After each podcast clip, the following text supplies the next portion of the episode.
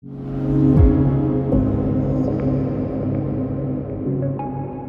Ze studia Voice House Rafał Hirsch i Jarosław Kuźniar. W najnowszym odcinku podcastu Ekonomicznie Lekarskie Ekonomiczne Konsylium Europy nad Polską. Sześć zgrabnych sugestii, żebyśmy rośli gospodarczo pięknie. O sześć za dużo, czy o sześć za mało? Czy da się je wprowadzić bez bólu? Albo inaczej, czy ma sens je w Polsce wprowadzać? Może sami wiemy lepiej, co nam dobrze zrobi. Zapraszam do audycji i do dyskusji.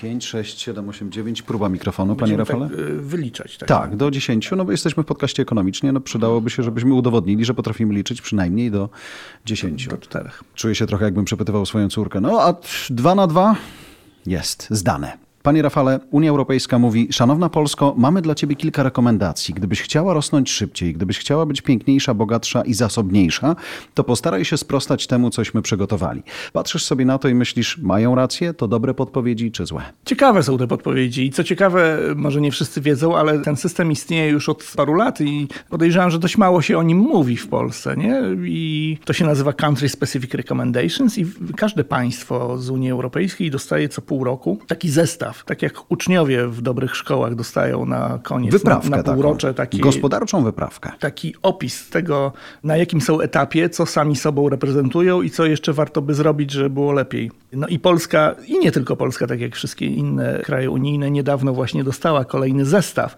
I tak sobie pomyślałem, że warto by po prostu przelecieć przez ten zestaw w naszym podcaście i zobaczyć.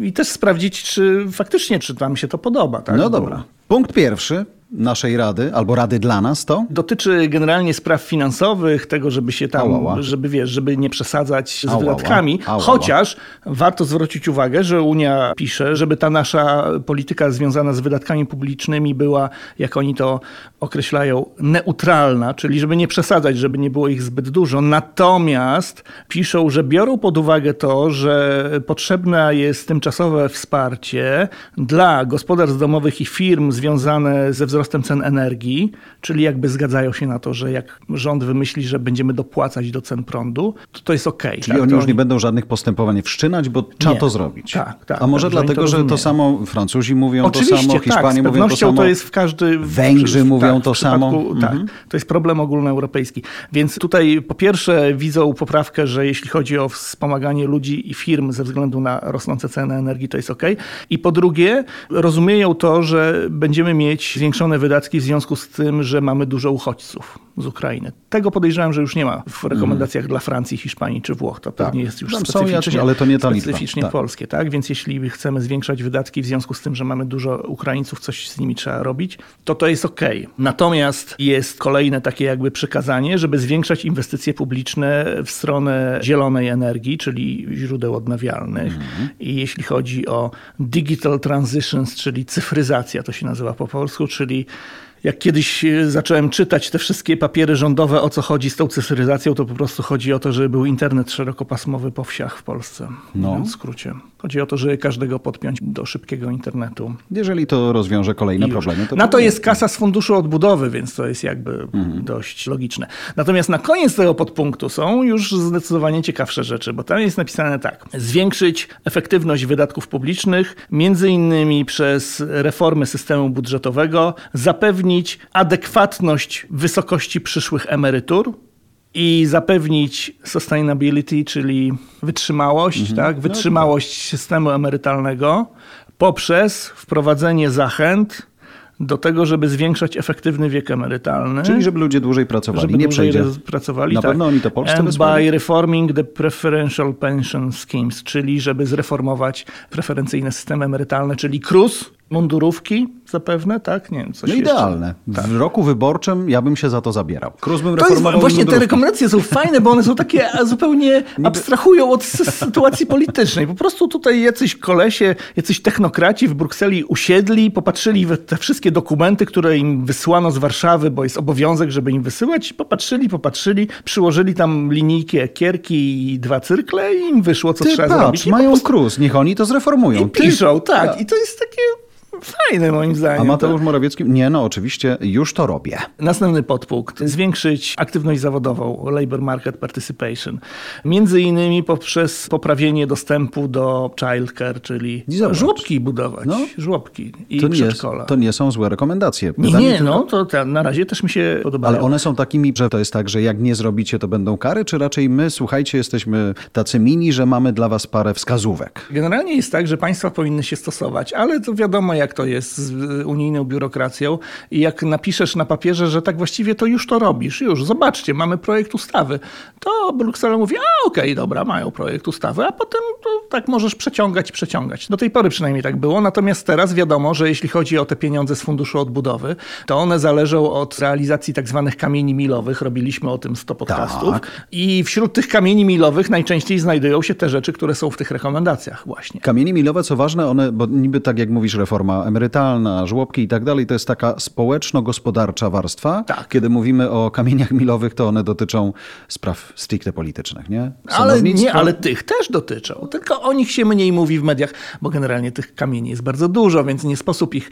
Wiesz, jak działają dziennikarze doskonale przecież. No, wyciągają trzy najbardziej sensacyjne kamienie z 200, ale ich jest 200 tak naprawdę. Nie ma czasu na więcej. No, no właśnie. Ktoś Mówili, że szybko. program w telewizorze. Mogłoby tak być. No ale idąc dalej, bo może się okaże, że tą Unię to wcale nie ma co tak, jej krytykować, co tam dalej tylko trzeba brać, zrobić? brać trzeba, i poprawiać. Trzeba usunąć przeszkody do more permanent types of employment, czyli do bardziej takich trwałych form zatrudnienia. Moim zdaniem to jest takie zaklęcie, w którym chodzi o to, żeby usunąć różnice opodatkowania pomiędzy umowami śmieciowymi a umowami o pracę. Mm. Czyli żeby ozusować dzieła, tak? Na przykład. Te, mm. Bo Można. jeśli chodzi o umowy zlecenie, to one już są ozusowane chyba, nie? I też ciekawe zdanie na koniec. Better target social benefits, czyli lepiej targetować, to nieładne słowo, nie? Czemu? Tak, ładne? Ten, dzisiaj modne, to znaczy, że wszystko się właśnie targetuje, niszuje i jest bardziej wycelowane no więc i jeśli chodzi o te nasze socjalne wydatki, mhm. które jak wiadomo są w naszym kraju duże, i fajnie, że są, to Unia nie mówi, żeby je zmniejszać albo że coś z nimi robić, tylko mówi, żeby je lepiej targetować, czyli żeby mierzyć lepiej, czyli żeby nie były tak szeroko rozdawane dla wszystkich. Ja na przykład mam dwójkę dzieci mhm. i z żoną dostajemy pieniądze na te dzieci, chociaż... Tak. Ja to znam i też dostaję, zauważyłem, że ostatnio ZUS mi to płaci, a nie gmina, tak jak do tej pory to było. Czyli tak jakby państwo, wiem, że oni się pod spodem rozliczali, ale teraz No ale to państwo... tylko jest przekazywanie, no bo to przecież nie szło z pieniędzy gminy. Teoretycznie i tak nie, no gmina tak. dostawała. No, chociaż w tym państwie to nigdy nie wiesz, czy nie było to kredytowane. Na zasadzie gmina płaci, a państwo kiedyś odda. A, no na takiej w tym zasadzie. Sensie, tak. Teraz tak robi to ZUS. Biedronka z dostawcą, tak? Mhm. Gulaszu. Gulasz przyjeżdża teraz, a pieniądze za gulasz no, ale po czasem, dniach. Wiesz co, to też odcinek na inną rozmowę. Rotacja ale... należności tak zwana i zobowiązań. na przykład. Faktury płatne 90 dni po wykonaniu usługi też się zdarzają niestety wciąż. To jest serce biznesu wszystkich sieci dyskontowych. Dokładnie Nawet nie tylko. To. Ja to znalazłem ostatnio w usługach to samo po prostu. Nawet nie musisz być tak. dyskontem. Takie mamy zasady, panie Jarku. Wracając do rekomendacji. W każdym razie, rekomendacja, tak, lepiej targetować wydatki socjalne i zapewnić akces do nich tym, którzy ich potrzebują. I moim zdaniem to jest takie można to traktować jako takie oschłe i techniczne, ale to wiesz, jak ktoś by się uparł, to można się tutaj doszukiwać na przykład jakiejś krytyki programu 500+, który jest powszechny i dla wszystkich, tak? A zamiast tego można by zrobić go tak, że on nie jest dla wszystkich, tylko dla tych, którzy potrzebują, mhm. na przykład, nie? Albo żeby wprowadzić jakieś takie właśnie inne zasiłki innego typu dla tych, którzy potrzebują, tak? To jest napisane, żeby to było dla tych, którzy potrzebują, a nie robimy, robimy tak. czternastkę tak. dla, wszystkich. dla wszystkich emerytów, a emeryci są różni, Ale nie? Zobacz, jak to w Polsce działa, że jeśli mówimy właśnie 14 albo nawet z 500 plus też tak było, że ponieważ to jest dla wszystkich, to był taki moment, oczywiście to pojedyncze przypadki, że ci, których stać jednak na to, żeby od państwa nie brać, mówili, a my nie weźmiemy, albo my oddamy i przekażemy na cele charytatywne. No bo wziąć nie, nie możesz, nie możesz ZUS-owi odesłać na to konto, z którego on ci płaci.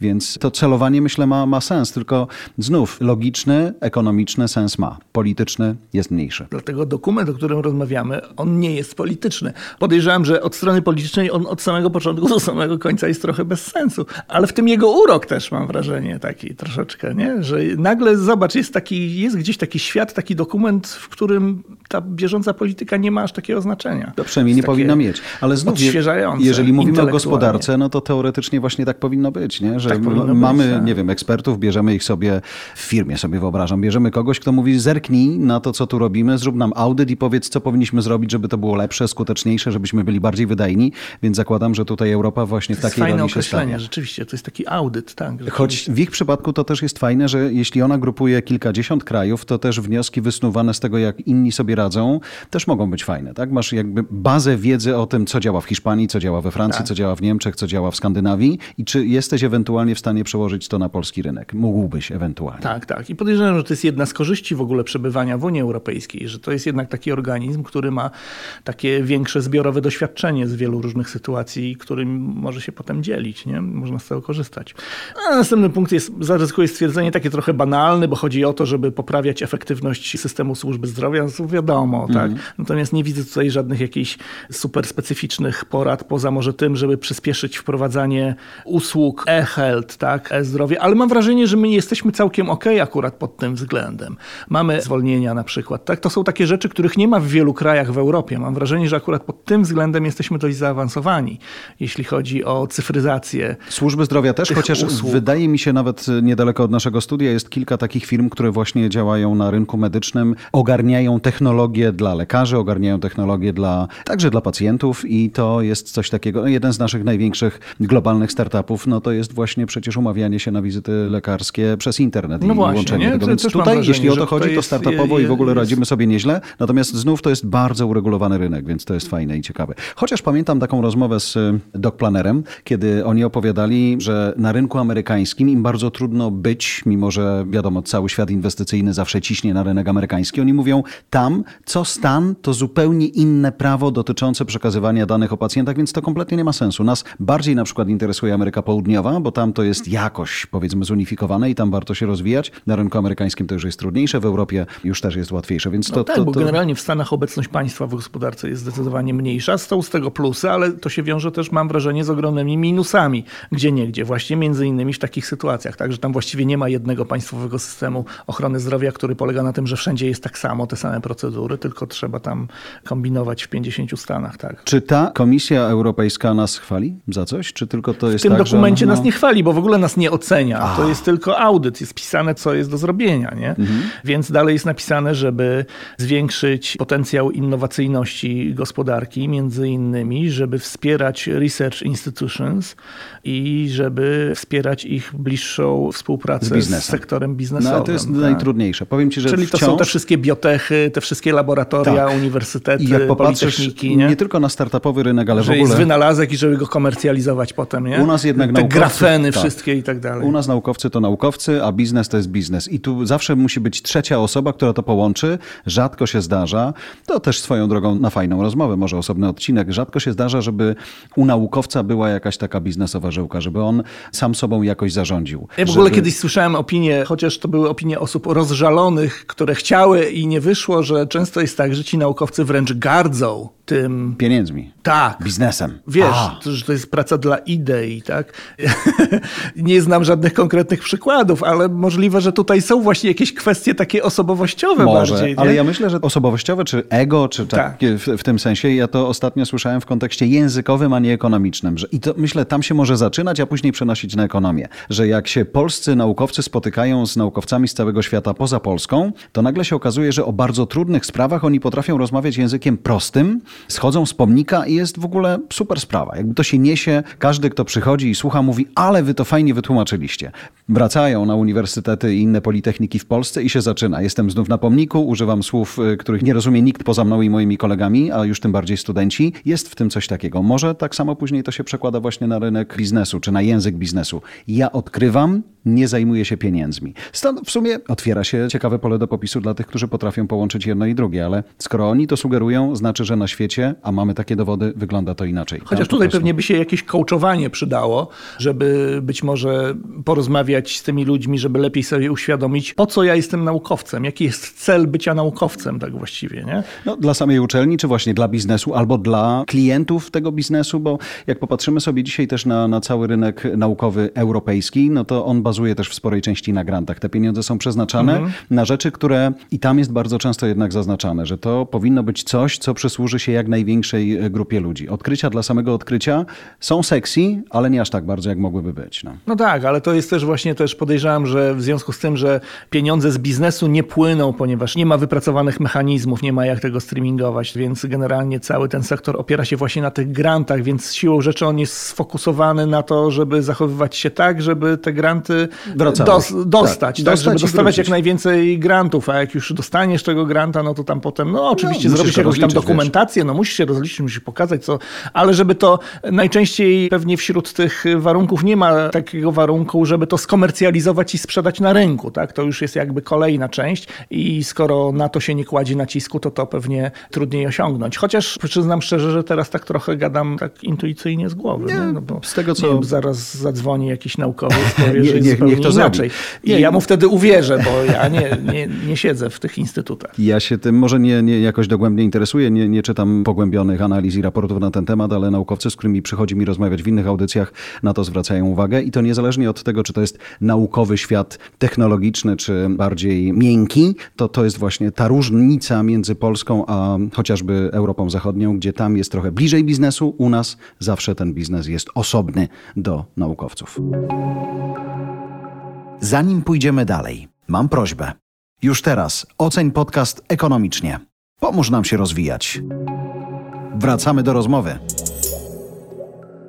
Co jeszcze rekomendują powiedzieć? No kolejny punkt jest jakby gwiazdorski, hitowy, nikomu nie trzeba przedstawiać. Headliner, można hmm. powiedzieć, tego audytu, czyli dbać o klimat inwestycyjny, w szczególności poprzez zapewnienie niezależności sądowniczej. Nie, nudy. Panie, Nudnie. czytamy to codziennie. Po cholerę to pisać w tym raporcie? Ale króciutko, jest jedno zdanie. Jest na ten, oni chyba też im się już znudziło, się nie rozpisują, tylko wiesz, że tam, żeby zapewnić niezależność, safeguarding judicial independence, ale do tego jest jedno zdanie, bo jest napisane, że żeby zapewnić efektywne publiczne konsultacje i udział partnerów społecznych w procesie tworzenia polityki. Bardzo ważna rzecz moim zdaniem. To jest jedno ale lakoniczne zdanie, ale to jest bardzo ważna rzecz. Ale ona na poziomie samorządu fajnie funkcjonuje, bo kiedy masz te budżety obywatelskie i możesz właśnie podecydować na co chciałbyś, to jeżeli to można by było przenieść na coś bardziej globalnego, oczywiście trzeba by znaleźć pewnie na to sposób, to to by było fajne. Jeśli masz wpływ, jesteś jako wyborca, obywatel, influencerem, bo możesz zdecydować na co jakaś część twoich pieniędzy pójdzie, to super. Tak, na pewno, rzeczywiście. W ogóle fajnie by było, gdyby w budżecie państwa był taki budżet obywatelski, nie? W tym ogólnopaństwowym. Ale nie tam paręset tysięcy, tylko parę miliardów na przykład. Na co wydamy te parę miliardów? Wydajemy na to, I czy no na właśnie, to? No, I czy przekop mierzei tej, czy przekop innej mierzei? A może połączymy z morzem jakieś jezioro obok Łeby, bo tam są jeziora, nie? Można by je połączyć z morzem. Czyli mamy podziękować za te rekomendacje tej Komisji Europejskiej. Myślisz, to coś z tego jeszcze dobrego może jest, wyjść? Jeszcze jedno jest, ostatnie. Wale. O sędziach to wcale nie było ostatnie. Na końcu jest, żeby zredukować zależność od fossil fuels, czyli paliw kopalnych, czyli żeby generalnie przejść w stronę energii odnawialnej, żeby reformować ten system, żeby łatwiej było inwestować w energię odnawialną. Podejrzewam, że w naszym przypadku chodzi po prostu o tą nieszczęsną ustawę, która zabiła nam energetykę wiatrową w 2016 roku, bo Beata Szydło się jej bała. I wiadomo, że te prace się ciągną i ciągną nad tą nowelizacją tej ustawy, że można było stawiać, bo wiesz o co chodzi, też, że nie można mhm, w Polsce stawiać tak. wiatraków w odległości od najbliższych zabudowań i ta odległość jest równa... Strasznie szumi, wiesz, to jest ten wiatrak. Nie, no pamiętam te argumenty, że szumi, że I wpływa na płodność, głowa boli i tak dalej, i tak dalej. Tak. Więc no, Kurczę, zakładam, ja że chciał jednak... mieć też takie przełożenie na, w jakiejś kampanii wyborczej na jakiegoś polityka, żeby obiecał wprowadzenie zakazu kosiarek do trawy, na przykład. bo one mi bardziej szumią pod domem i kurczę, w lecie mi szumią codziennie, tak właściwie, bo codziennie ktoś gdzieś jakiś trawnik kosi. Szanowni słuchacze, można dostać politycy, wyborca się zgłasza z nowym pomysłem. Ale zobacz, wydaje się, że to są bardzo rozsądne rzeczy, że one są takie, no nie chcę mówić nowoczesne, bo to wcale nie oznacza, jeszcze, że jeszcze tylko dokończę, Tak. to już jest ostatnia rzecz, że redukować zależność od tych tam paliw, jeśli chodzi o energetykę, ale także jeśli chodzi o transport,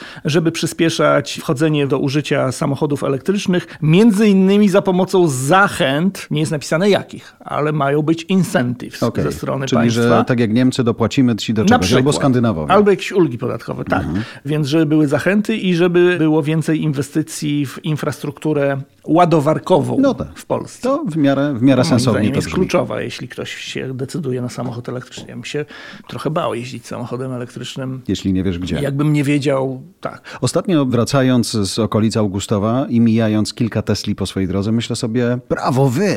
A szczególnie, że to były Tesle na litewskich tablicach rejestracyjnych. Myślę sobie, zobacz, jeśli oni się ze swojego kraju odważyli przyjechać do nas, może nawet dotarli na Mazowsze, a może pojechali jeszcze głębiej, znaczy, że już mieli to tak rozplanowane, że to jednak ma sens. To nie jest krótkodystansowy No bo to samochód. powoli Więc fajnie. jakoś tam A może wy, my już wypełniamy te rekomendacje, zobacz. Może my już to robimy w jakimś sensie. w jakimś sensie może po części trochę tak. Swoją drogą a propos Litwy sobie przypomniałem, niedawno, parę tygodni temu był raport Eurostatu na temat tak zwanej przeciętnej konsumpcji indywidualnej w państwach unijnych.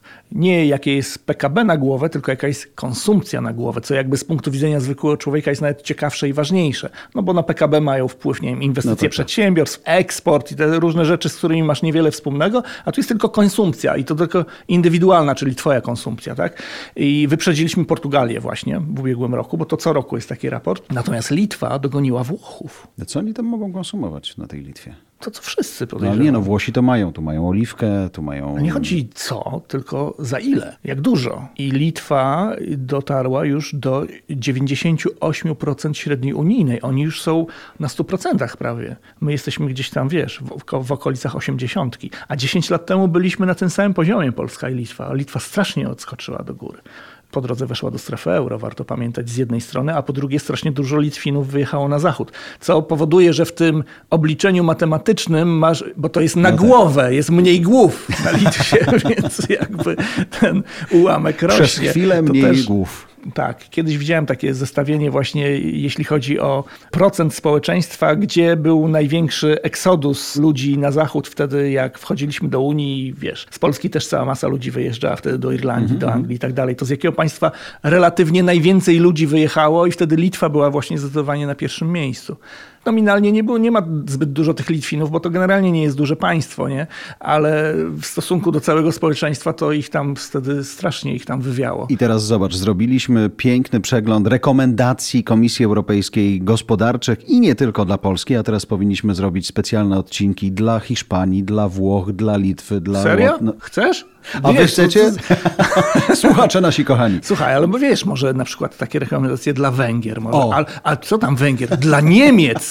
Słuchaj, co Bruksela rekomenduje Niemcom? Stay tuned. Uważam, że to byłoby ci- dość interesujące. Sam nie wiem. Mogę sprawdzić. Polecamy się. Dziękujemy za Twoją uwagę. Ale zanim się rozłączysz albo posłuchasz kolejnego odcinka, mam prośbę. Spotify pozwala teraz na ocenę podcastów. Jedna, dwie, trzy, cztery albo pięć gwiazdek. Bądźcie z nami szczerzy. Dziękuję. Jeżeli jeszcze nie subskrybujesz naszej audycji, zrób to na Apple Podcast czy Spotify. Nie przegapisz najnowszego odcinka i pomożesz nam się wspinać na listach podcastowych przebojów. Zasubskrybuj także inne podcasty od Voice House. Znajdziesz je na każdej platformie podcastowej, w każdym kanale social mediowym. Zapraszam też na stronę Voice House po więcej dobrej treści.